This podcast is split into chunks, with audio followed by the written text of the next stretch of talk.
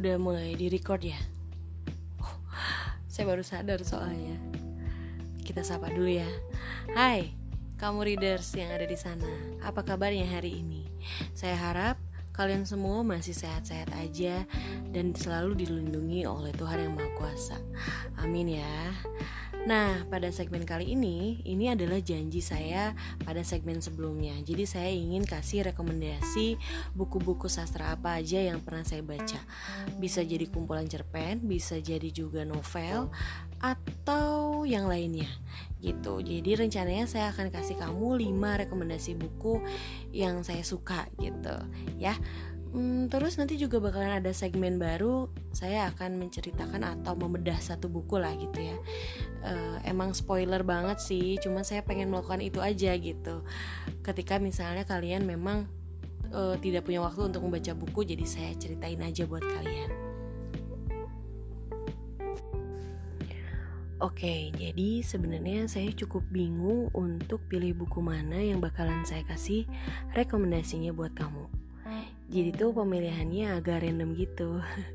Soalnya saya pikir apa saya kasih rekomen bukunya itu sesuai dengan genrenya atau penulisnya? Nah bingungnya tuh di situ sih. Tapi tenang aja saya udah membuat keputusan. Mudah-mudahan rekomendasi buku ini bisa membuat kamu tertarik untuk membacanya ya. Soalnya buku-buku ini tuh buat saya memberikan makna yang begitu dalam. Karakter-karakter yang ada di dalam buku itu juga mempunyai spirit dan idealisme yang kuat. Terus juga mm, membuat saya ingin terus memperjuangkan mimpi dan hidup saya. Emang lebay banget ya.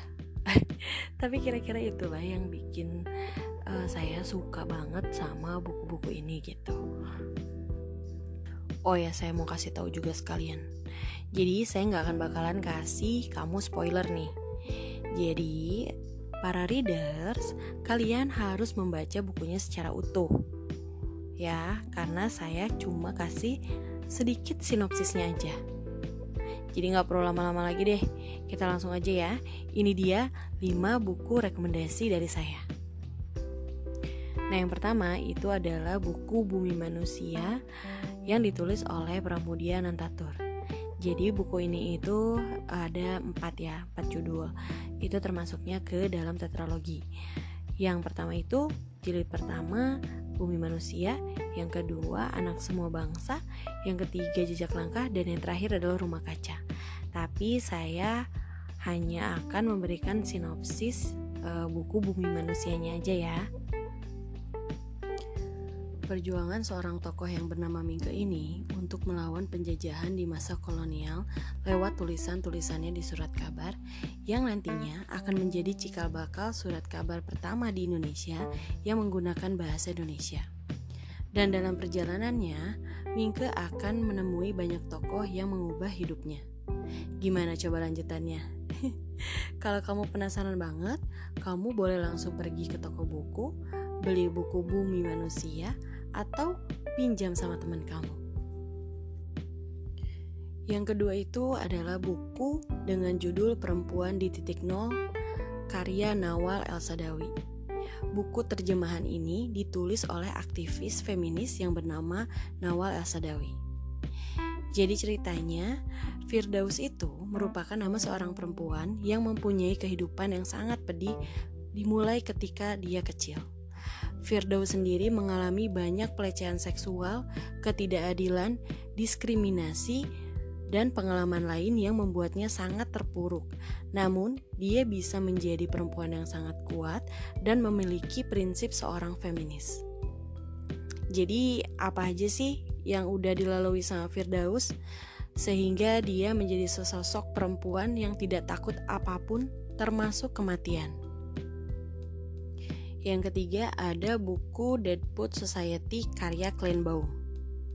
Jadi buku ini menceritakan seorang guru sekolah khusus laki-laki di Inggris. Jadi guru ini itu menjadi sesosok uh, guru yang memberikan banyak inspirasi kepada murid-muridnya yang belajar sama dia. Mulai dari perlawanan terhadap diri sendiri hingga mereka mampu berani untuk bermimpi. Salah satunya adalah dengan mengekspresikan emosi mereka dengan membaca dan membuat puisi-puisi. Banyak banget nilai kehidupan yang kita dapatkan loh dari buku ini. Ah, terus buku ini itu uh, ada adaptasi ke filmnya. Jadi kalau kamu mau nonton filmnya silahkan, tapi saya saranin kamu juga harus baca bukunya ya. Keempat, lukisan neraka karya Ryonosuke Akutagawa. Ini sastrawan Jepang. Saya mau mendeskripsikan satu cerpen ini tuh rasanya susah banget.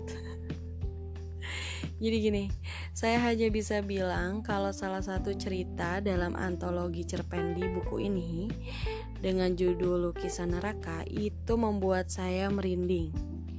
Karena ceritanya itu menguras emosi dengan plot twist yang sudahlah. Tapi memang keren banget. Saya suka banget cerita lukisan neraka karya Ryonosuke Akutagawa ini. Kelima, yang terakhir.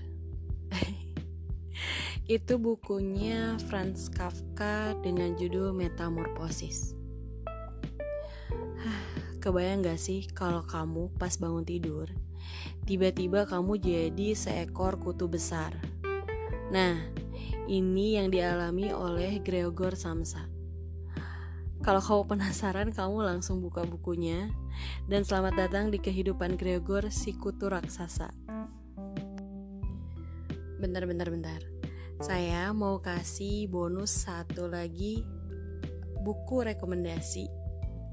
Saya nggak sabar banget sih sebenarnya saya pengen bedah buku ini gitu untuk segmen selanjutnya. Tapi saya kasih dulu ya sedikit gambarannya. Jadi uh, rekomendasi yang terakhir ini adalah bukunya Animal Farm karyanya George Orwell yang menceritakan mengenai pemberontakan yang dilakukan oleh hewan-hewan ternak di peternakan manor. Buku ini sangat menggelitik saya sebagai seorang manusia. Fabel yang dibalut cerdas oleh alegori politik. Tuh thumbs up banget deh pokoknya. Nah, itu dia tuh. Buku rekomendasi dari saya. Ada 5 judul buku plus bonus satu dari George Orwell. Buat kamu nih yang memang udah biasa baca sastra, kemungkinan bakalan tahu banget buku-buku rekomendasi saya ini. Nah, bagi yang belum tahu, kamu wajib baca karena buku-buku itu betul-betul keren banget. Nah, itu dulu deh ya rekomendasi bukunya.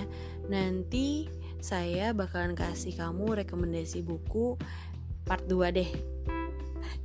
Makasih banget loh udah dengerin podcast saya. See ya.